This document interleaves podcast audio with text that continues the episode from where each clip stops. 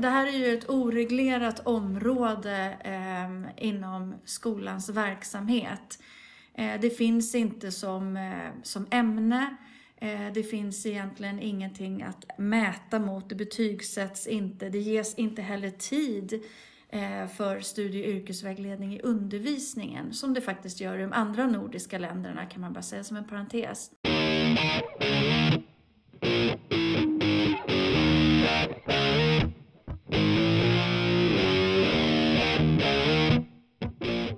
Då var det dags för säsongens sista avsnitt av Gränslöst lärande. I det här avsnittet ska vi ta ett grepp om studie och yrkesvägledarrollen. Som vanligt är jag Niklas Lind och Peter Hjelm i studion. Varmt välkomna!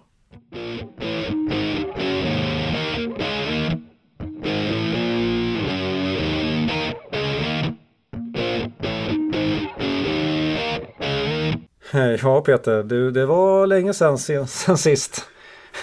Ja. Nu är vi i maj. Och eh, ja, vi spelade ju Senaste vi spelade in var i februari. Ja. När vi hade Max Bergander från AIK med oss. Eh, och eh, vi ska inte gråta ner oss för djupt i det här men det har varit I april har det ju varit eh, påsklov och sättmässa som vi var iväg på. Och ett hektiskt jobbschema. Mm. Eh, och eh, marsprogrammet stod vi verkligen i studion redo och skulle precis dra igång egentligen. Mm. När någonting helt oväntat dök upp eh, här i, i skolan som jag jobbar på. Så att det gjorde helt, var helt omöjligt att spela in helt enkelt. Det var för mycket annat ljud. Eh, så det fick vi ställa in på väldigt kort varsel och det kändes ju genant faktiskt att behöva dra det samtalet. Men det löste sig som tur var. Och eh, de gästerna ska vi ha i det här avsnittet. Yes. Mm. Mm.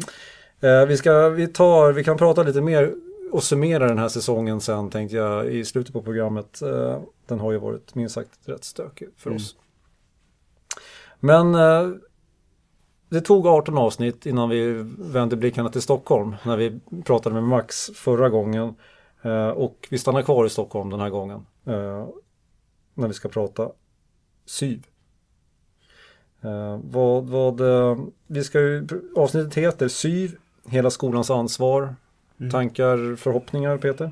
Ja, men jag är nyfiken att lyssna på eh, våra gäster eh, och hur de ser på studie och yrkesvägledarrollen i både grundskolan och gymnasieskolan. Och mer också hur man kan få det till att det blir skolans, hela skolans ansvar och hur man kan jobba med det från barn i lägre åldrar och hela vägen upp. Alltså hur gör jag för att skapa en medvetenhet hos eleverna?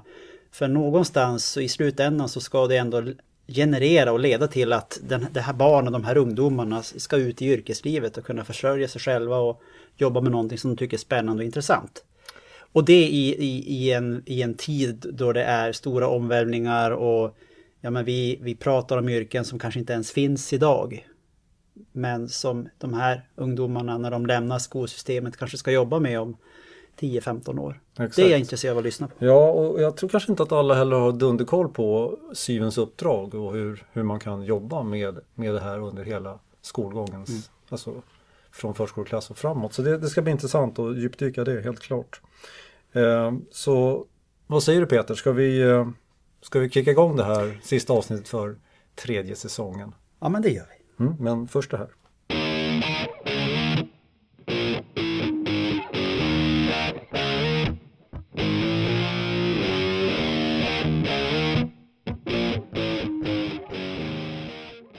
Skolverket trycker på att skolan ska integrera studie och yrkesvägledningen kontinuerligt i undervisningen genom hela grund och gymnasieskolan. Syftet är att varje elev förbereds och ges möjlighet att fatta välgrundande val inför vidare studier som sedan i förlängningen leder till ett yrkesliv. Dagens och framtidens arbetsmarknad är i många hänseenden svårläst vilket också visar på syvarbetets viktiga roll för våra barn och ungdomar. Vi behöver uppnå en bättre matchning mellan arbetsmarknadens behov och utbudet av gymnasial utbildning. Idag utbildar vi fler än vad som efterfrågas till vissa branscher och färre än vad vi behöver till andra. Det här, det säger utbildningsminister Anna Ekström i samband med pressmeddelandet gällande den nya lagrådsremissen Dimensionering av gymnasial utbildning ska förbättra kompetensförsörjningen.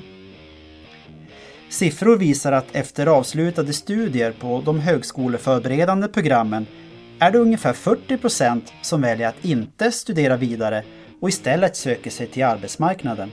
Eller i värsta fall hamnar i ungdomsarbetslöshet. Samtidigt råder det en stor brist på yrkesutbildad arbetskraft. Det finns alltså brister i matchningen mellan många ungdomars val av utbildning och behoven på arbetsmarknaden. Till dagens avsnitt av Gränslös lärande har vi bjudit in Gabriella Holm och Lotten Johansson, båda drivna av samhälls och skolutveckling utifrån olika roller som lärare, skolutvecklare och SYV. Tillsammans äger och driver de Hej SYV i Sverige aktiebolag. Hur tycker Gabriella och Lotten att studie och yrkesvägledningen ska bedrivas i grund och gymnasieskolan? Elever som börjar skolan idag kommer möta ett arbetsliv som vi i många fall inte vet hur den ser ut. De framtida yrkena finns ännu inte. Hur ska skolan tänka kring denna utmaning i arbetet med eleverna? Det här och mycket annat handlar dagens avsnitt om.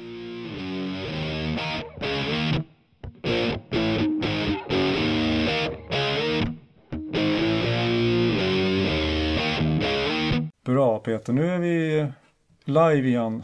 Eh, det tog ett tag, några månader, men nu kan vi äntligen intervjua dem vi ska ha tänkt att intervjua. Mm. Eh, Gabriella Holm och Lotten Johansson, grundare av Hej Syv i Sverige AB. Varmt välkomna! Tusen tack! Kul att vara här med er. Ja, jättekul. Mm, ja, vi ser fram emot det jättemycket.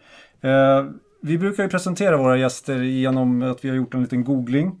Eh, så att eh, vi, eh, vi ska dra den googlingen för er här och nu. Peter, mm. du börjar. Jag tänkte jag ta tag i, i första googlingen och den riktar jag till dig Gabriella. Ja.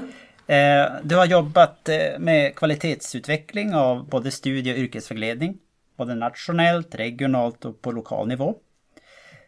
Du har en bakgrund som lärare. Som någon form av skolutvecklare. Du har arbetat som projektledare för Ungt Entreprenörskap i Stockholmsregionen. Om jag säger Yrmis, vad säger du då? Förebilder säger jag då i arbetslivet. Young Role Models in School kallar vi det, Yrmis. Mm. Just det. Eh, och vilken roll hade du där? Då var jag ägare och eh, vi förmedlade förebilder från arbetslivet till skolan, från olika branscher. Så det var under en kortare period eh, innan hela syvutvecklingen drog igång. Ja, just det. Okej. Okay. Och så en sista del i det här blocket. Eh, du har arbetat med Svenskt Näringsliv. Det är frågor som rör kompetensförsörjning och samverkan mellan utbildningssektorn och näringslivet. Det stämmer. Under många år och i olika former. Kompetensförsörjning, eh, de jobbar ju också mycket med, jag menar du och jag Lotten har ju jobbat med dem alldeles nyligen med eh, vi har skrivit en rapport eh, på uppdrag av Svenskt Näringsliv. Styrning och ledning avgörande för framgångsrik studie och yrkesvägledning i skolan. Så det är väl det senaste. Mm. Ja. Härligt. Eh, då ska vi se Lotten då. Eh, du har jobbat som studie och yrkesvägledare inom grund-, gymnasie och särskolan och har även jobbat som samordnare och utvecklare för SYV i olika kommuner. Utbildad studie och yrkesvägledare och verksam sedan 2007. Stämmer det? Ja, det stämmer. Guilty. Ja, härligt. Eh, du är också flitigt anlitad föreläsare. Du har varit på SET och föreläst bland annat. Mm. Och eh, du dyker upp i lite olika sammanhang i media. På Skolverket, Skolinspektionen, Svenskt Näringsliv och tillsammans med Gabriella då som sagt som ni pratade om. Någonstans har jag fångat upp begreppet syvarnas syv också. Vad, vad kan du säga om det? det är ju väldigt, eh, väldigt charmig titel. Eh, men jag är nog alldeles för ödmjuk för att själv skulle, skulle kalla mig det. Men eh, jag försöker precis som Gabriella vara en förebild eh, och dela med mig av kunskap och engagemang. Och så är det så att tillsammans så driver ni nu då företaget hejsyv.se som ni startade runt 2018. Och där tillhandahåller ni både både tillhandahåller och utvecklar verktyg och material och tjänster inom studie och yrkesvägledningsdelen. Ska vi, ska vi stanna där och så kickar vi igång själva intervjudelen? Det gör ja. vi. Uh, Då kan vi andas vi ut nu. Det var ju läskigt det där när ni säger vi har googlat på er. det fanns lite grejer till också men vi, vi stannar där. Va? Vi håller oss till yrkesmässiga. Jo, men eh, vad är det som är så lockande tycker ni att eh, arbeta med just studie och yrkesvägledning?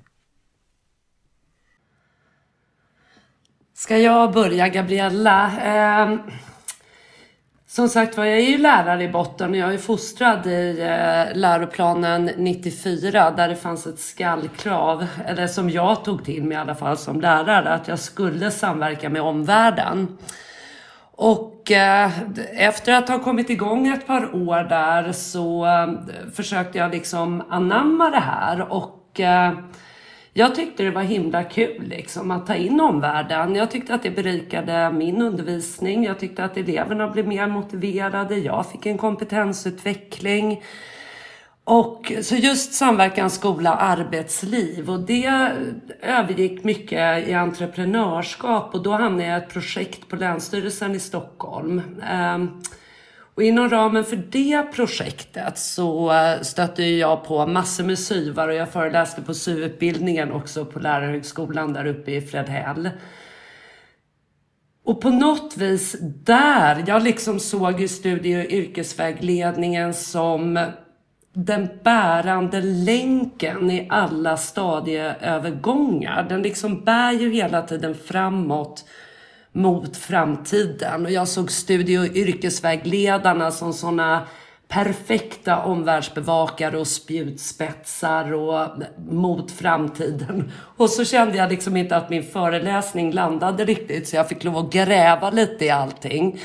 Men jag fastnade för det här med studie och yrkesvägledning. Jag tycker liksom någonstans det är skolans viktigaste ämne och jag tror också det skulle kunna vara skolans roligaste ämne ur elevsynpunkt. Men det här var ju runt 2010 Lotten och det var ju då vi träffades mm. också i den vevan, Syvarnas syv. Ja. ja. men jag tycker att det som är så otroligt lockande med studie och yrkesvägledning är ju att det är en potential att jobba med elevernas liksom, framtidshopp och tro. Eh, och att hjälpa dem att själva utforska sina, sin egen stig, sin egen livsstig. Eh, och bara man pratar med folk om det här, jag tänker på middagar och sen när man sitter och de frågar vad gör du? Och så berättar man. Så, så alla har ju någon, någon historia om något val kopplat till karriär, karriärval. Eh, så det är liksom en väldigt lockande fråga som engagerar, tycker jag. Mm. Mm. Och den engagerar ju eleverna i skolan. Alla tycker jag om att tänka på sig själv och prata om sig själv och liksom när det handlar om... Och det är någonstans grunden i all studie och yrkesvägledning. Mm. Det bränner till liksom mm. i, i magen och hjärtat på något mm. sätt när det handlar om mig och min framtid. Mm. Ni, ni, nämnde att ni träffades runt 2010. Vad var det som, alltså, hur träffades ni? Vad, hur kommer det sig att ni sitter här idag? Vad är det som gör att ni klickar med varandra?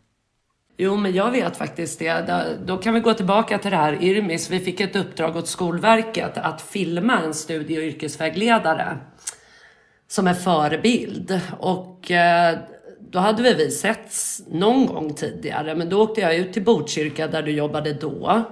Och så filmar vi helt enkelt eh, en studie och yrkesvägledare och sen dess har vi haft kontakt. Ja, ja men vi började liksom det här samtalet, mm. eh, ungefär som det samtalet ni leder med oss nu.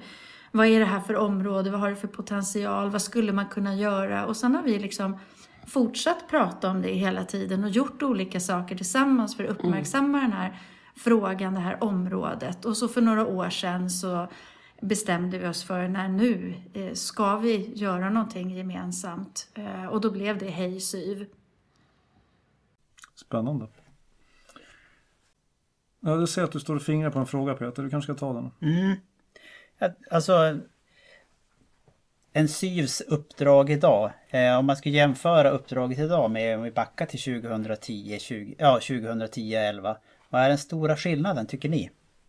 Ja, men den stora skillnaden är väl att eh, det har blivit mycket mer komplext och att eh, verkligheten liksom förändras så snabbt. Arbetslivet förändras så snabbt. Ja, det tänkte de väl förr i tiden också, att herregud vad utvecklingen går fort. Men, men nu gör den ju verkligen det med, med ny teknik och automatisering och Ehm, eh, arbetslivet förändras på, på, på, på både gott och ont. Eh, så, eh, så som vägledare så måste man liksom man måste verkligen hålla sig ajour med den där utvecklingen och jobba med alla i skolverksamheten, eller det beror på vilken verksamhet man jobbar med. Men i alla fall det vi utgår från då i skolvärlden, att man måste liksom få med sig alla andra som jobbar i skolan på tåget och förstå eh, vad det är som händer och varför vi ska jobba med den här frågan. Gabriella, du sa ju tidigare att du pratade om studie och yrkesvägledning som ett ämne i skolan. Sådär. Eh, kan du, jag, kanske inte att, jag kan tänka mig att kanske alla kanske inte tänker sig och ser det som så. Kan du förklara lite mer vad du menar med det? Mm. Det finns ju inte med som ett ämne. Det finns ju ingen avsatt tid. Och det är väl det här liksom som är den det svåraste med studie och yrkesvägledning, när man säger studie och yrkesvägledning så tänker alla på studie och yrkesvägledaren. Det är liksom samma ord. Men går vi till kapitel två i läroplanen så är det faktiskt så att det här med studie och yrkesvägledning är hela skolans ansvar. Och eleven ska ha tillgång från och med årskurs ett. Alltså när man börjar skolan när man är sju år. Och det här är en process genom elevernas skolår. Och det, det är ju det vi kvalitetsutvecklar mycket kring och man måste liksom nu pratar jag som lärare, förstå att det här är en del av mitt uppdrag också. Vad 17 innebär det? Vad ska jag göra för någonting? Eh, ofta är man väldigt liksom eh, självklart insnöad på sitt ämne eller sin, sin klass. Men eh, man gör jättemycket i skolan redan. Vi pratar lite om självkännedom som är grunden i all studie och yrkesvägledning. Man jobbar mycket med identitet och vem är jag och vad tycker jag är kul. Men man tänker inte på att det är vägledning. Och sen så handlar det om att se lite grann vad finns det där ute när man börjar komma ner till vad man ska välja och man ska vidga vyer kopplat till bakgrund, kön, social och kulturell. Men det är just det här med hela skolans ansvar. Det är väl det vi har fokus på. Och vår digitala resurs handlar ju om det. Just hela skolans ansvar. Den här Hej framtidsval. Den vänder sig ju mycket liksom, eller mest till lärare. Eh, nu tappar jag lite vad fråga, grundfrågan var. Var det om nej, som man, lärare? Ja. ja, men just att man ser det som att det, att det finns för jag kan tänka mig att kanske folk kan tänka sig att, ja, men att gå till syven eh, är liksom ett parallellt spår kopplat till skolgången. Att man, sådär. Men, men, och då kommer vi in lite grann på så här, vilka, du har ju redan sagt några saker, men vilka är de största utmaningarna inom syvirket tycker ni? Ja, eh, vi kan ju prata mycket om liksom syvyrket och syvrollen, men eh, jag skulle vilja lyfta det till nivån vad är den största utmaningen för studie och yrkesvägledningen som område? Om det är okej okay, Niklas? Ja, absolut. Eh, för jag tror att det är mycket mer spännande för de som lyssnar.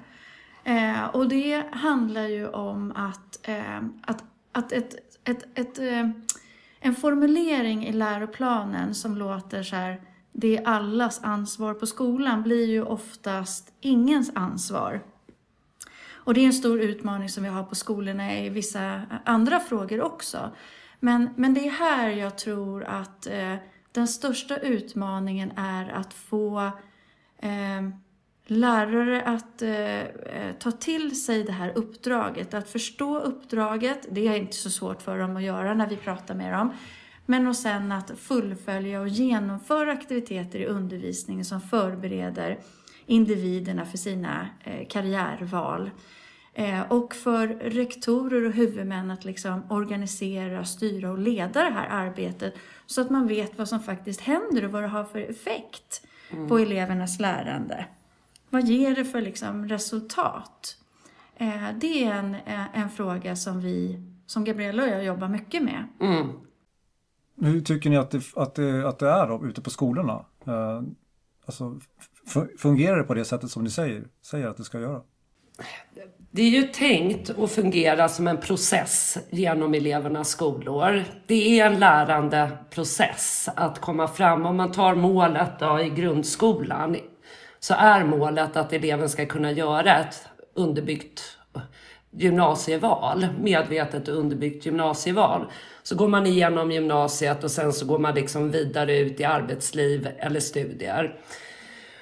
Och den här processen, den eh, funkar väl inte alltid. Det kan ju, nu generaliserar jag grovt, men jag menar, det görs inte. Man talar om begreppet vi ska bygga valkompetens. Och det gör sig liksom inte på en, om man tar i grundskolan, en gymnasieinformation i klass, ett vägledande samtal och ett par praoveckor som är lagstadgade sedan ett par år tillbaka. Utan tanken är att man ska jobba kontinuerligt med det här genom elevernas skolår. Forskning visar att många olika aktiviteter har bäst effekt. Och här kan man ju se liksom på syvarna, det är inte en särskilt stor kår. De har inte, man kan ju resonera om, om studie och yrkesvägledarna gör rätt saker med sin tid. Och här kan man säkert också effektivisera. Men det blir en väldig utväxling. Det är många fler lärare runt eleven. Så att om lärarna bara gör lite så blir det sammantaget väldigt många aktiviteter runt just eleven. Och det är väl det som man vill få till. Och när vi är ute eh, på skolor eller i kommuner så får vi ofta inventera och man blir glad och man kommer ihåg på att vi gör faktiskt jättemycket redan. Det här var inte så, så jobbig skolutveckling. Men sen gäller det ju att få ihop det där till en riktigt bra process för just de eleverna som man själv har. Och eh, här ser vi väl inte att det görs nästan någonstans, alltså utifrån elevernas behov, var de kommer från för bakgrund. här pratar man mycket kön, social, kulturell bakgrund, vad skolan ska kompensera mot. Utan man bara öser på med lite aktiviteter. Men det är väl dithän vi, vi börjar komma lite där och där, Dithän. En mer medveten process och liksom aktivitetsplan genom elevernas skolår. Men som Lotten säger också, aktiviteterna måste ha, måste ha någon slags effekt, måste förflytta eleverna någonstans. Ofta gör man saker av eh, tradition. Det här gör vi varje år vid den här tiden eller det här sker i vår lokala omgivning varje år vid den här tiden. Därför gör vi det och det kanske tar jättemycket kraft och energi och egentligen inte ger eleverna någonting. Så måste man ju titta på och försöka göra det lite mer proffsigt. Sätta, in, ja. sätta in det i någon annan form av kontext alltså. Ja. Men jag tänker här, eh, är det så att men utifrån den kunskapen och den eh, insikten och insynen ni har i skolan idag, är det utifrån det som tanken kring Hej Syv kom fram och ni tänker att det här kan vara ett koncept att jobba med för eh, skolor i Sverige? Ja, ja men precis. Eh, det är inte bara vi som tycker att, att det finns brister inom det här området utan Skolinspektionen har ju också i olika kvalitetsgranskningar pekat på att studie och yrkesvägledningen inte utgår ifrån elevernas behov, att det brister i organisation och eh, uppföljning. Ehm, så i vårt samtal, den dialogen som vi började i, då handlade det ju mycket om att hitta sätt att skapa eh, verktyg för, för lärare och för rektorer, för huvudmän att på något sätt försöka kvalitets säkra det här området. Vad är det vi ska göra? Hur ska vi göra det? När ska vi göra det? Att föra liksom den diskussionen och, och vi skapade materialet som när vi har kompetensutvecklat lärare till exempel och gå därifrån då kan de ha ett verktyg i handen att jobba vidare med. Mm. Eh, så det var väl liksom våran, våran start och sen har det ja, men lett till massor med olika spännande utveckling faktiskt eh, mm. på olika ställen. Och roligast är det ju för oss att komma ut nu och besöka skolor, lärare, studie och yrkesvägledare, rektorer som faktiskt vittnar om att eleverna är bättre förberedda mm. för sina val. De har liksom fått en ökad kunskap och förståelse om sig själva och vad det finns att välja på och skapa liksom sin väg framåt. Ja, men jag tänkte så här, vad är, det, vad är det ni då kan erbjuda som, alltså sko, det finns ju syvar på alla skolor i någon form. Det kanske, man, vissa syvar kanske har flera skolor och sådär. Men, men vad är det som ni kan erbjuda för att stärka upp det här som inte redan andra kan göra så att säga, som är ute på skolorna? Det vi kan erbjuda är ju, eh, vi erbjuder eh, skolledare, alltså både huvudmän och eh, rektorer, stöd i utveckling. Vi har tagit fram en tiostegsmodell. Försökt rensa bort eh, allting onödigt som tar tid. Den är ganska snabb. Eh, och en stor del, om man vill utveckla det här på en skola under en termin eller ett läsår, handlar ju om att göra aktiviteter med eleverna. Och då har vi ju tagit fram massor med aktiviteter, lektioner inom ramen för olika ämnen och med olika syvteman och syvperspektiv på. Ungefär som Lektionsbanken eller lektion.se eller något sånt fast för eh, SYV då. Och tagit fram en framtidsresa, plockat ihop om man skulle vilja använda sig av den. Så att det är väl det, det våran digitala resurs främst eh, stöttar med. Jag kan ta som ett exempel att eh, mm, eh, utav de här lektionerna så kan till exempel teknikläraren eh, få inspiration till en lektion som handlar om ett av de kunskapskraven som finns, eller ett av de centrala innehållen, förlåt, som finns eh, för högstadiet i tekniken. Som handlar om att eh, eleverna ska få syn på hur teknikanvändningen kan, kan påverkas av om man är man eller kvinna. Eh, eh, och då har vi gjort en, en lektion som, eh, som ger förslag till läraren ge, ge eleverna den här uppgiften, att undersöka det här och titta på det här. Eh, då, då, följer du, eh, då uppfyller du det centrala innehållet som du som lärare ska göra i teknik. Men du ger också eleverna ett perspektiv kring kvinnor och män och arbetslivet och teknikutvecklingen som kanske påverkar dem eller bidrar till att de blir mer intresserade av teknikområdet eh, när de är tjejer. Eller att de, om man är kille, kanske också får perspektivet att oj, vad olika det kan se ut. Vill jag bidra till det här? Eller hur kan jag jobba med den här frågan? Så så kan det liksom vara. Men det kan också vara för väldigt små barn att eh, rita självporträtt och eh, reflektera över vem är jag? Hur ser jag ut? Hur såg jag ut förra året? Eh, hur kommer jag se ut nästa år? Och det kan också ge en ingång till att diskutera att vi lär oss hela tiden. Livslångt lärande utvecklas eh, och man kan också erövra förmågor och egenskaper mm. om man vill. Mm, det. det var bra beskrivningar. Vä två, mm. två konkreta. Eh, jag funderar, eh, nu, nu ligger det ju en proposition där man Titta på eh, när man ska dimensionera gymnasieutbildningarna här framöver. En väldigt intressant och viktig. Det är en, en proposition bland flera som egentligen handlar om kompetensförsörjningen. För som det är nu så har vi ett läge att vi har kanske många ungdomar. Men jag ger ett exempel här. Kommer hem till sina föräldrar och man börjar fundera. Vad ska du bli när du blir stor? Vad ska du välja för program? Och jag menar det är jättemånga föräldrar som säger ja men välj ett brett program så att du inte stänger några dörrar. Och så vet man ändå, eller man ser det nu, att det är jättemånga som går ett eh, gymnasium, eller ett, ett eh, universitetsförberedande, ja, ett högskoleförberedande program. Och så upptäcker man att det är en jättestor andel av de här ungdomarna som går det programmet men sen inte fortsätter på universitetet. Alltså man, man söker sig ändå ut i arbetslivet. Här har vi en, en eh, missmatchning kan man ju säga. Men hur tänker ni kring det här svaret som en förälder ger att ja men eh, välj ett brett program så du stänger inga dörrar? Ja, men det är ju, det är, här är ju en, liksom en, det är en stor frågeställning. Jag tänker att eh, föräldrar vill ju alltid sina barns bästa. Och eh, när man är 14-15 år och ska göra det här valet så vet ju vi också att hjärnan är inte fullt utvecklad. Konsekvenstänkandet är inte jättestort. Så att det det är rätt lätt för oss föräldrar att tänka att vi vet vad som är bäst för barnen. Och så kanske man, det kanske var ett tag sedan man själv gick på gymnasiet, eller hur, när man får barn.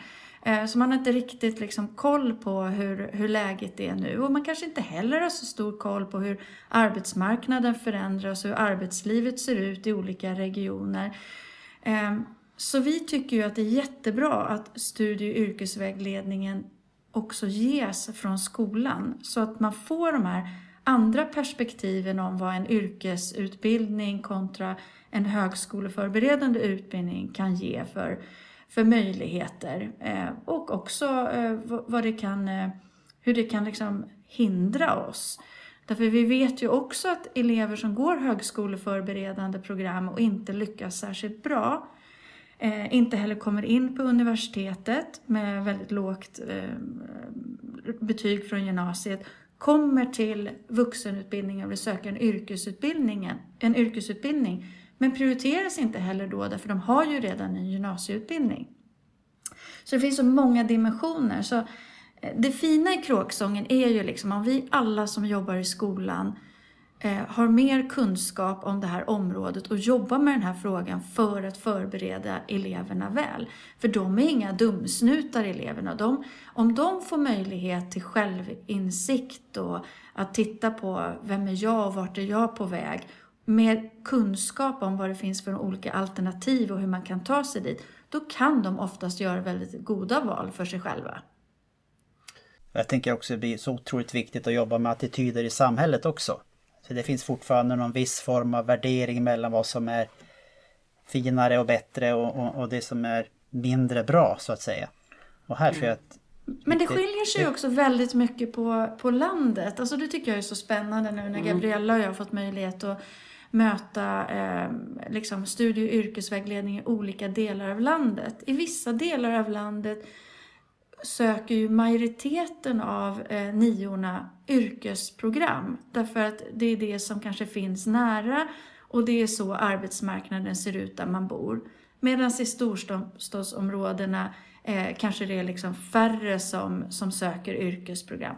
Visst, vi vet att det är eh, liksom procentuellt så är det färre som söker yrkesprogram över hela riket. Men det kan faktiskt skilja sig ganska mycket eh, över, över landet. Och där måste man ju också jobba med frågan att elever vågar söka högskoleförberedande program när eh, liksom normen är att söka yrkesprogram. Är ni med? Ja, absolut. Mm. Ja. Eh, så det är här det blir så spännande att när vi pratar om elevernas behov av studie och yrkesvägledning så är det faktiskt olika. Det finns en grund, en gemensam grund, en likvärdighetsrättighet kan man säga. Men sen så är ju behoven olika beroende på vad man har med sig i sin ryggsäck liksom, som elev. Mm. Och det viktigaste... Väl... Ja, förlåt. Nej, kör, kör du. Nej men det viktigaste är väl att de kommer in på ett nationellt program på gymnasiet och går igenom gymnasiet och får ett betyg och gärna på utsatt tid. Då brukar vi ju prata genomströmning. Det här är ju ganska många politiker och så intresserade av. Man vill både för individ och samhälle, eh, kommun, ta ett fjärde och femte gymnasieår på någon. Men eh, en gymnasieutbildning, det är någonstans en hygienfaktor för att börja jobba idag. Så att liksom att komma in först och främst på ett nationellt program. Nu får vi tänka på att IM är det största gymnasieprogrammet i Sverige idag.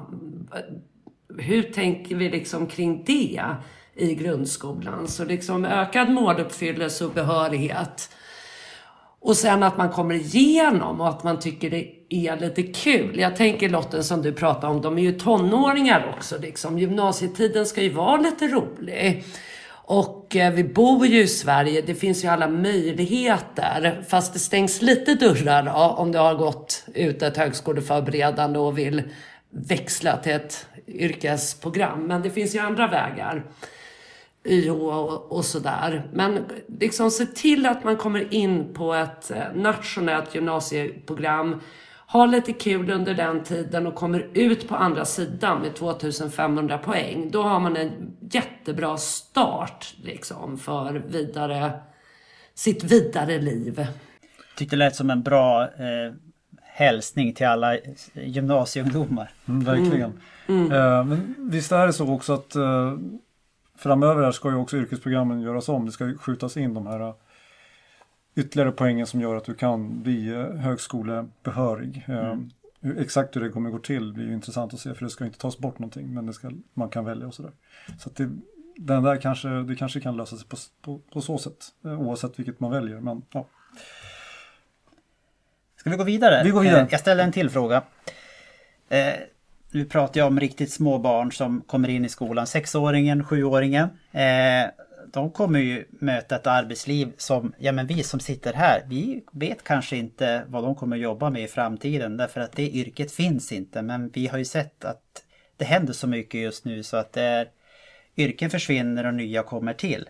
Men hur ska man tänka i skolan eh, kring den här typen av frågor? Alltså hur förbereder man de här eh, eleverna eh, inför en framtid som är så, of, som är så föränderlig? Det här är ju skolans absolut mest eh, spännande fråga. Det tycker jag varenda lärarkollega borde sitta och diskutera. Men eh, det handlar ju helt enkelt om att man måste få en förmåga, dels det livslånga lärandet, att man hela tiden måste vara beredd på att lära nytt. Och du måste ju se till dig själv och du måste bli attraktiv eh, på arbetsmarknaden. Så någon slags baskunskaper, absolut. Men sen förmåga att ta sig fram i, ett ständig, i en ständigt förändrad eh, omvärld och arbetsliv och hantera det. Och eh, det är ju självklart inte bara en syvfråga, det är ju hela skolans grundfråga. Vi lyssnade på ett intressant IVA-seminarium här för två veckor sedan och då var Andres Andreas Schleiser, alltså utbildningschefen på OECD med och han säger, sa bland annat att We are educating youngsters for our past, not our future. Och likaså har de jämfört eh, alla, nu var det 15-åringar och han sa också så här att many teenagers, teenagers aspire to jobs that are at high risk of automation. Mm.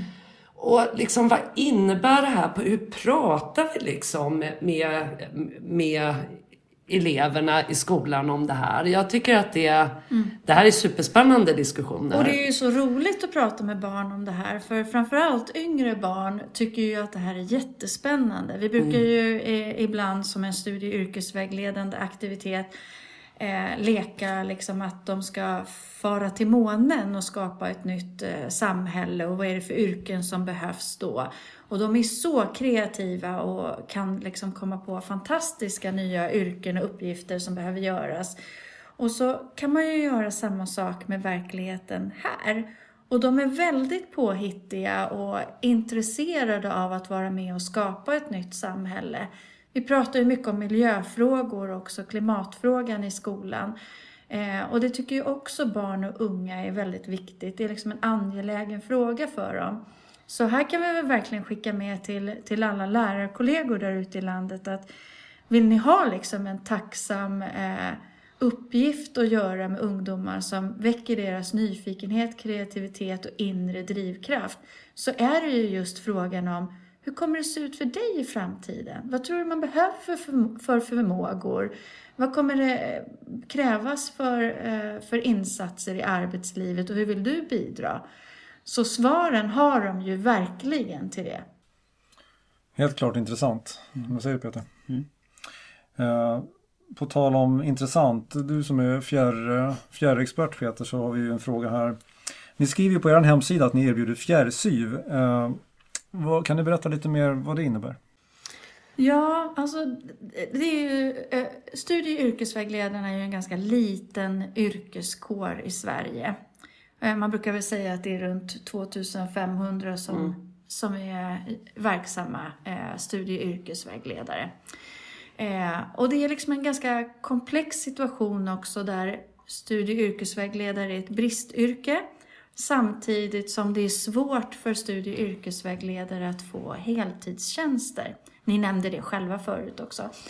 Eh, och, och, och, särskilt kanske liksom i ett bälte mitt i landet kan det vara jättesvårt att hitta utbildade studie och yrkesvägledare. Eh, så man får ofta anlita någon annan eller anställa någon, någon annan kompetent personal för att göra eh, det här jobbet. Och det kan man ju sig ifrågasätta. Det är inte så ofta som vi låter eh, liksom någon som inte är läkare operera eller någon som inte är specialpedagog göra pedagogiska utredningar eller så. Men då har vi eh, faktiskt hittat med, med eh, de fantastiska möjligheter som finns med tekniken sätt att komma in i klassrum via videolänk eh, Ehm, där man kanske har skickat eh, uppgifter först till lärare som eleverna har gjort. Eh, vi kopplar upp oss, vi har en, en lektion eller en dialog kring någonting och sen kan eleverna följa upp och göra, eh, svara på en enkät eller skriva frågor eller så som man kan föra vidare. Och det kan också se ut så att man har individuella vägledningssamtal via videomöten. Eh, så jag samtalar med elever som sitter i Kiruna när jag själv sitter vid Globen i Stockholm till exempel. Mm. Och ungdomar är ju liksom väldigt eh, eh, alerta när det gäller det här. Det är inte alltid de gillar att ha kameran på, men jag har också dåliga hårdagar så att eh, det känns som ett mindre problem faktiskt. Men också vårdnadshavarmöten och eh, lite som ni nämnde i början, vikten av att ha en behörig studie och yrkesvägledare som faktiskt kan. Eh, för här pratar vi ju studie och yrkesvägledarkompetensen, alltså rollen då som eh, de är ute efter. Så att det blir så rätt som möjligt och så mm. bra som möjligt. Ja. Mm, så då kallar vi det fjärrsyv. Mm. Och det hade ju varit före pandemins tid väldigt innovativt sådär. Men nu känner man ju att det, det borde vara en, en, ganska etablerad eh, arbetsform det här nu. Ja, ja, det är kul att vara först någon gång. Mm.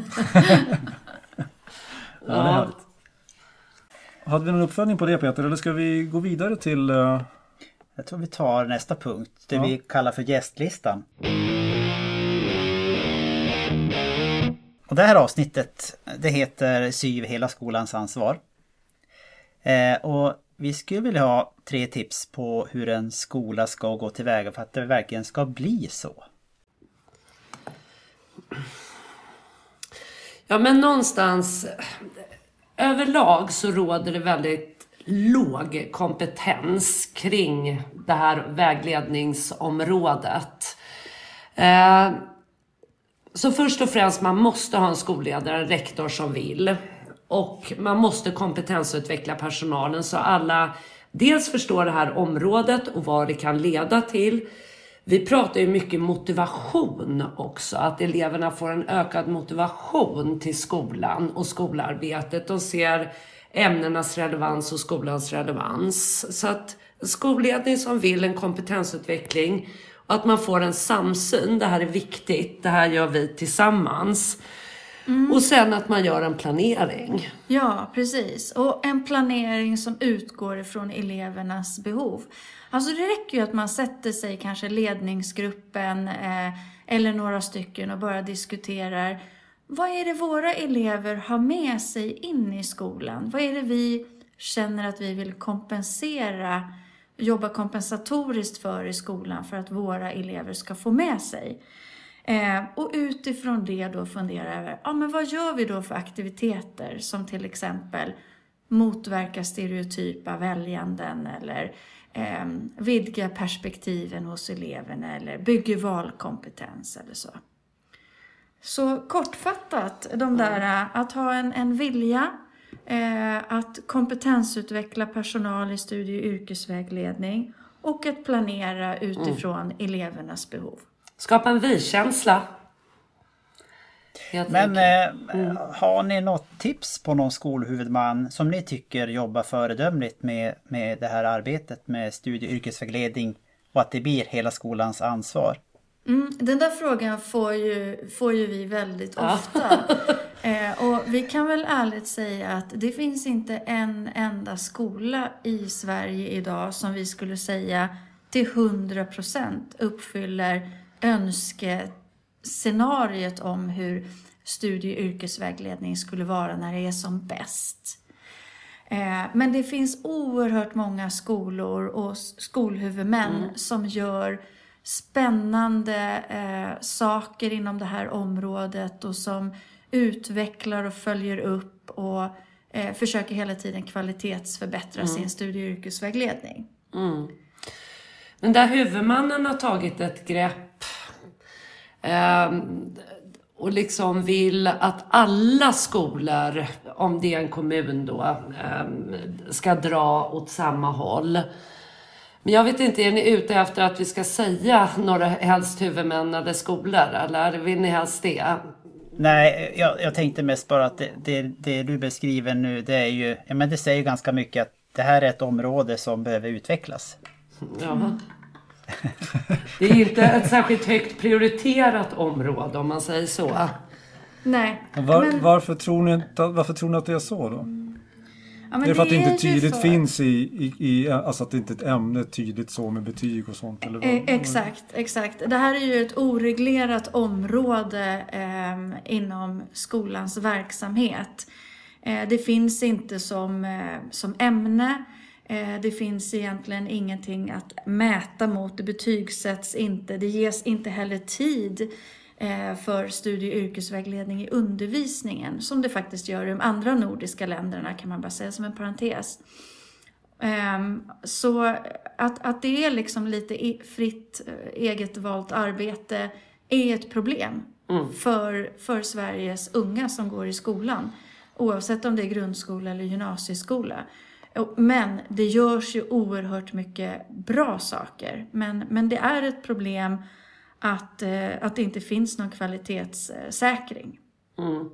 Det står ju i eh, kapitel 2 i läroplanerna och frågan är ju liksom hur mycket man jobbar med kapitel 1 och 2 och få med de perspektiven. Det här är ju ett perspektiv jag som lärare kan lägga på min undervisning. Det är inte så jättesvårt som Lotte nämnde förut. Jobbar vi med hållbarhet eller miljö? Ja, men kan vi inte kika på till exempel ett bensinsföretag säger vi utan att säga något namn, hållbarhetsarbete eller miljöarbete. Ja men vad spännande, så gör de faktiskt här. Oj, det här är en arbetsplats också, vad innebär det? Alltså inom ramen för ordinarie undervisning kopplat till centralt innehåll, att lägga ett syperspektiv, att bara ha med sig liksom den tanken när man är ute, när man bjuder in någon. Mycket liksom i eh, samverkan med omvärlden. Eller ett framtidsperspektiv eller ett dåtidsperspektiv. Att liksom, ja, få med det. Mm. Ja, kapitel 1 och 2 i läroplanen är ju de är ju viktiga kapitlen om man säger så. Så att det är ju, det, det ska man, de ska man inte glömma bort. Eh, vad var det jag tänkte säga på det där? Jo, men jag kan också tänka mig det ni, det ni, det ni pratar om nu, att jag kan tänka mig att det, att det görs saker och ting som har kopplingar till det här lite överallt, men det kanske inte förankras eller krokas upp så tydligt om att det hänger ihop med det här. Också. Nej men, nej men och här är ju, jag tycker det stora, den, den stora utmaningen här, det är ju liksom det är ju likvärdighetsfrågan, att det faktiskt är ett problem eh, att elever i samma kommun vid olika skolor får liksom olika förutsättningar att förbereda sig för framtiden. Eh, beroende på hur bra liksom, skolkollegiet arbetar med den här frågan. Ska det vara på det sättet? Du kanske kan dra det ännu mer att det kan ju också bero på på vilken lärare man har på den enskilda skolan som påverkar mm. hur mycket man jobbar med det här också. För det kan ju faktiskt ja. skilja sig så på en och samma ja, arbetsplats. Och det, det, det, precis, och det, det, är bra att du säger det Niklas som är lärare också. För, det, för, för så är det ju. Liksom, har man tur eller otur? Mm. Ja, ska det vara så på det sättet? Det är en sån viktig fråga som handlar om unga människors framtid. Men ja, jag tänker också, det kan ju också bero på syven eller rektorn, att man har tur eller otur. Så ser det ju ut i skolan eh, lite grann. Men jag tycker vi, vi ändå ska peka på det här att skolan har ett kompensatoriskt uppdrag och i kvalitetsgranskningen av grundskolans studie och yrkesvägledning så kom Skolinspektionen eh, fram till att 45 procent av eleverna saknar vuxna att prata framtidsplaner med. Och här i ligger skolans kompensatoriska uppdrag. Så att eh, jag håller med. Likvärdighets... Det här ska ju liksom vara bra och det är samtidigt en så kul liksom fråga. Eh, mm. Så att, ja, nu eh, fokuserade vi ja. väldigt mycket på bristerna och ja. problemen. Men ni fattar väl också att det här är sjukt roligt ja. område att ja. jobba med? Verkligen. absolut. Det är ju... Eh, jo, det är ju jätteroligt att jobba med omvärlden eh, och förankra det så. Det är ju det värdeskapande lärandet som jag brinner lite extra för själv. Så att jag tycker att det, är viktigt. Eh, men vad ska jag säga var, jag uppskattar också att ni är, väldigt, ni är väldigt raka och ärliga i vad ni tycker och kring problemen till det här. För att det, det behövs ju lyftas fram uppenbarligen så att det är bra att ni är tydliga. Ska vi gå vidare till valfrågan? Mm. I höst är det riksdagsval. Eh, vilken skolpolitisk fråga vill ni se lyfts fram i valet? Eller inför valet? Ja, alltså det, vi skulle ju väldigt gärna vilja att eh, de politiska partierna visade vad de har för eh, vision och intresse av frågan eh, som handlar om att förbereda eleverna för, för framtiden. Studie och yrkesvägledning är ju inte någon stor fråga som debatteras på riksnivå men eh, vi, vi skulle vilja se förslag inom studie och yrkesvägledningsområdet som bidrar till att eleverna i Sverige blir bättre rustade för framtiden. Väldigt mm. konkret. Men jag tror att eh, fler och fler kom, har, får, får förståelsen för att det här arbetet är viktigt. Och jag tänker, jag nämnde de här propositionerna som nu läggs som handlar väldigt mycket om kompetensförsörjning och de frågorna måste man ju börja jobba med redan med de små barnen. Det ni pratar om där att det framtidstänket. Så att jag, jag tror att om ni fortsätter att jobba på så kommer de här frågorna upp och kommer bli viktiga och eh, man kanske värderar det här arbetet mer längre fram. Det är min förhoppning i alla fall. Mm. Mm. Vi hoppas på det Peter. Eh, och sen då slutligen önskegästen. Eh, vad har ni för förslag på gäst till vårt program? Ja, vi har väl varsin va? Bjuda in. Mm, ja, eh, ni hade den här frågan eh, lite tidigare i programmet, eh, eller den här inspelningen eh, till oss då. Och det handlar ju om the future of jobs kontra skolan. Vad innebär det här för skolan? Det är inte bara studie och yrkesvägledning liksom, utan vad ska eleverna ha med sig? Och då finns det en intressant människa som heter Claudia Olsson som är teknik och framtidsexpert. Och hon har eh, bra framtidsspaningar på just jobben. Så eh, The Future of Jobs kontra skolan och eh, frågan hur förbereder vi eleverna för framtiden skulle ju kunna vara den grundfrågan om hon ger framtidsperspektivet. Och då tänker du och mitt förslag till gäst är eh, Khashayar Farmanbar som är Sveriges energi och digitaliseringsminister. Eh, som ju själv har en spännande bakgrund som eh, barn. Eh, han är född utomlands, i Iran. Kom till Sverige med sin familj som, eh, som flykting. Och eh, har eh, läst på universitetet skapat eh, ett företag inom teknikvärlden eh, och också engagerar sig politiskt. Eh, så vi tycker att det skulle vara spännande att höra hans syn på, från vårt perspektiv då också, studie och yrkesvägledning kopplat till, till digitalisering och framtid. Mm. Mm. Hur förbereder vi eleverna? Ja. Mm. Jag vill tacka så jättemycket för de förslagen. Kanon. Eh, nu är vi i slutet av här, den här intervjun. Har ni någon mer som ni känner att ni skulle vilja tillägga? Som vi inte har pratat om? Nej, men vi har ju tittat på den här frågan, studie och yrkesvägledningen i Sverige under ja, ganska lång tid. Och det känns... Området tar två steg fram och ett och ett halvt tillbaks. Och Skolverket har haft medel och det har gjorts granskningar av Skolinspektionen. Och, men vi tycker ändå att vi kan se, om man tittar tillbaka. Eh, jag var själv med där Skolinspektionens kvalitetsgranskning av grundskolans studie och yrkesvägledning. Då var det inte en enda huvudman eller skola som kunde skicka in ett enda papper innan, innan man tittade. Men nu skulle väl vi säga att kanske ja, men tre fjärdedelar av skolhuvudmännen har skrivit fram någon slags riktlinjeplan eller strategi som man i alla fall har börjat försökt implementera. Ehm, och sen, så vi liksom kommer ändå framåt tycker jag. Ehm, det är positivt. Och det handlar väl om att fortsätta prata frågan. Mm. Mm. Ungdomarnas och elevernas framtid är ju viktig och skolan ska förbereda dem för den. Och då är vägledningen ett perfekt verktyg liksom i den processen. Vad tänker du Lotten?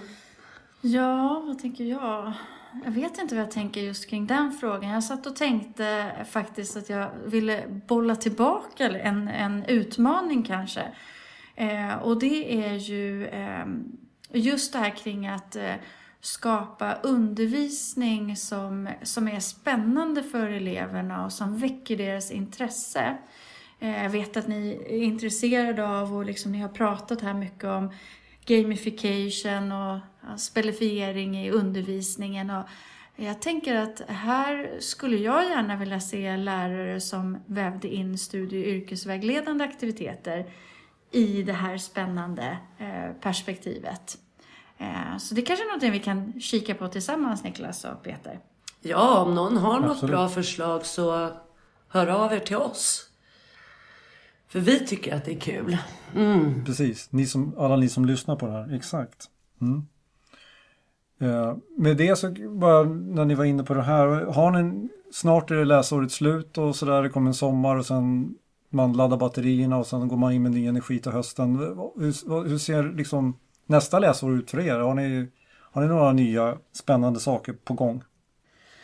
Vi har alltid massa nya spännande ja. projekt och vi, eh, jag pratade just med någon om det häromdagen faktiskt. Vad ska du göra i sommar? frågade någon och jag sa, sa jag ska försöka vara lite ledig men vi ska också hitta på spännande saker inför mm. nästa läsår. Men eh, eh så vi kanske får återkomma om det men eh, lite spännande ska det bli. Vi gör en spännande grej som vi håller på med, ett projekt för just årskurs 9-eleverna inför gymnasievalet. Så det är den vi ska göra klart nu. Men eh, mm. ja, förhoppningsvis eh, ja, till nästa termin. Mm. Mm. Ja, det är lite en cliffhanger där. Ja, det blir perfekt. Ja. ja, men kanon. Ja, men hur var det här då, eh, att podda?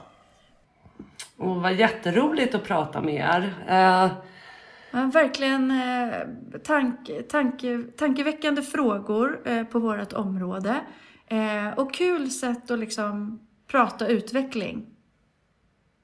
Ja, verkligen. Mm. Vi är jätteglada för att ni ställde upp. Vi har fått ut mycket av den här snart timmen. Peter, vad säger du? Ja. ja. Och ja, vi tackar så jättemycket för att ni var med oss idag. Tusen tack för att vi fick vara med. Mm, tack, tack.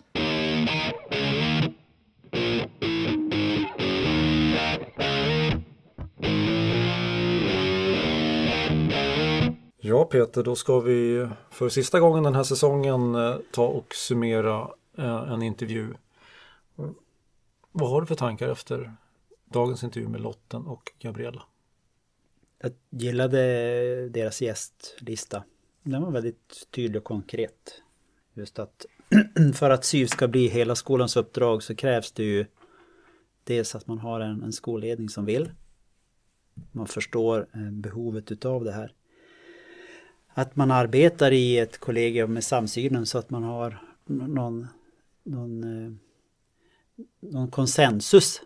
Och sen att man tänker planering. För det, det, vet ju både du och jag som har jobbat i skolans värld att så har du inte tänkt till och ha en, en plan som sträcker sig över tid då finns det en risk att man inte följer det också. Ja så är det absolut och jag tänker ju också det kan också underlätta till att det finns tid till att jobba med det här. För att det, är, det, det, det var, de, jag gillar och uppskattade verkligen deras, att de var väldigt raka och ärliga i hur de tyckte att läget var kring det här. Mm. generellt sett på, på skolorna i Sverige. Sen tyckte jag också den där, den där kopplingen till att titta vad som står i kapitel 1 och 2 i, i läroplanen just kring värdegrundsuppdraget. För det, det handlar ju mycket om där också. Det ska vi ju i allt det vi gör tänka in kapitel 1 och 2. Exakt. Men det jag skulle säga var också att, att och, och, där i just att det ser ut som det ser ut enligt deras åsikt. Men eh, det var ju ganska deprimerande att höra eh, på ett sätt. Samtidigt så börjar man ju tänka då som, jag har ju själv jobbat som lärare. Eh, så att, att, ja men tiden, det är ju det här med tiden och så mm. en sak till och sådär. Men behöver det verkligen vara en sak till? Det är just det, om man då får in det på ett bra sätt utifrån skolledarperspektivet eh, i planeringen så behöver det kanske inte kännas som en sak till utan det vävs in i allting annat. Eh, och det är ju på något sätt, jag menar, vi ska ju rusta eleverna för att komma ut i ett arbetsliv. Mm. Det, det, är det det handlar om. Eh, så det här är ju en perfekt krok egentligen att hänga upp det på. Mm. Eh, och på så sätt så kanske man också, för de pratar också lite grann om motiverade elever. Det här är ju perfekt att få in så att man kan skapa motivation hos eleverna och kan som, som se och känna av att gör de de här sakerna, jobbar med de här sakerna, ja, men då kanske jag får kan bli det som jag vill bli. Och sånt. Alltså mm. sådana saker. Så att det är ju, ja, just det här med motivation, det är viktigt. Mm. Ja, fler tankar? Eh, ja, men deras eh, resonemang kring valkompetens. Alltså hur, man, hur vi rustar våra elever med det också. Eh, för det är också någonting när man väl kommer ut i, i arbetsliv eller i, alltså i, när man är vuxen så handlar väldigt mycket om att du måste kunna göra val och de ska vara underbyggda. Du ska kunna motivera vad, varför du väljer att göra på ett visst sätt eller eh, vad som väger, vad som är fördelar med det ena och, och nackdelar med det och ja, men vad som är bäst för mig utifrån mig som person och de förutsättningar och egenskaper som jag har. Så jobba med valkompetensen, det, det är också någonting som jag tog med mig som eh, var bra att det kom fram i programmet. Här. Ja, jag håller med. Jag håller med.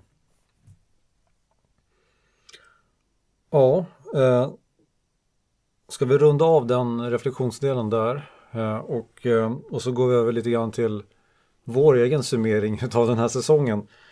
Som banne mig inte blev som vi hade tänkt eller hoppats. den här har, den har, det har varit många hack i den här, i den här skivan. Ja, under hösten så rullade det på som ja. planerat. Men efter jul? Efter jul har det varit väldigt uh, Som sagt, det här är bara andra avsnittet vi spelar in under våren. Uh, ett tidigare då i februari och, och så nu i maj. och det var ju inte våran plan utan vi hade ju tänkt att komma ut i januari, mars och april också. Mm. Från början. Eh, men eh, så kan det bli ibland. Eh, och dels berodde det på, på sjukdomar som har gjort att vi har fått ställa in när vi har haft bokade inspelningar. Det har berott på andra saker också som har gjort att vi fått ställa in med kort varsel. Och sen har vi haft mycket jobb på våra egna håll också mm. som gjort att vi inte har liksom kunnat få till ett extra avsnitt där och då med någonting annat när vi hade planerat för så ett så. Men jag tror det här blir två bra avsnitt i alla fall. De här två under våren ja. Exakt. Ja, jag, jag, känner, mig, jag känner mig nöjd med, med dem. Och jag mm. känner mig nöjd med hela säsongen av de avsnitten som blev. Det var bara mer att, att det inte blev som jag hade tänkt. Nej. Men så är det ju. Och eh, eh, vi tar ju helt enkelt, vi, vi laddar batterierna eh, under sommaren och sen tar vi, tänker vi oss att vi tar nya tag till hösten igen. Mm. Eh, och kör igång säsong fyra. Eh, det känns som att vi har, att det ligger flera uppslag till spännande program och personer som vi skulle kunna intervjua mm. under nästa läsår i alla fall. Det, det är känslan. Eh, ja, eh, något mer att säga kring det Peter? Då har vi inte ens nämnt att du har skaffat nytt jobb. Som du sa, det behöver vi inte prata om, men det var ju blygsamt av dig. Ja, eh, ja men jag fortsätter med mitt uppdrag som IT-pedagog på Mediacenter men sen har jag även en del av min, min tjänst kommer jag jobba som strateg och jobba med näringslivs och utbildningsfrågor. Vilket känns spännande. Och du täcker in Norrbotten också då eller? Nej, det är Västerbotten. Det är väst, bara Västerbotten. Västerbotten. Bara, ja. men det, det är inte så bara. Det är inte så bara. Västerbotten är rätt stort faktiskt. ja. Eh, kanon. Eh, lycka till med det som sagt. Eh, du har, väl, du har påbörjat det lite, lite grann, va? visst är det så? Absolut. Mm. Började i april faktiskt. Mm. Mm. Härligt.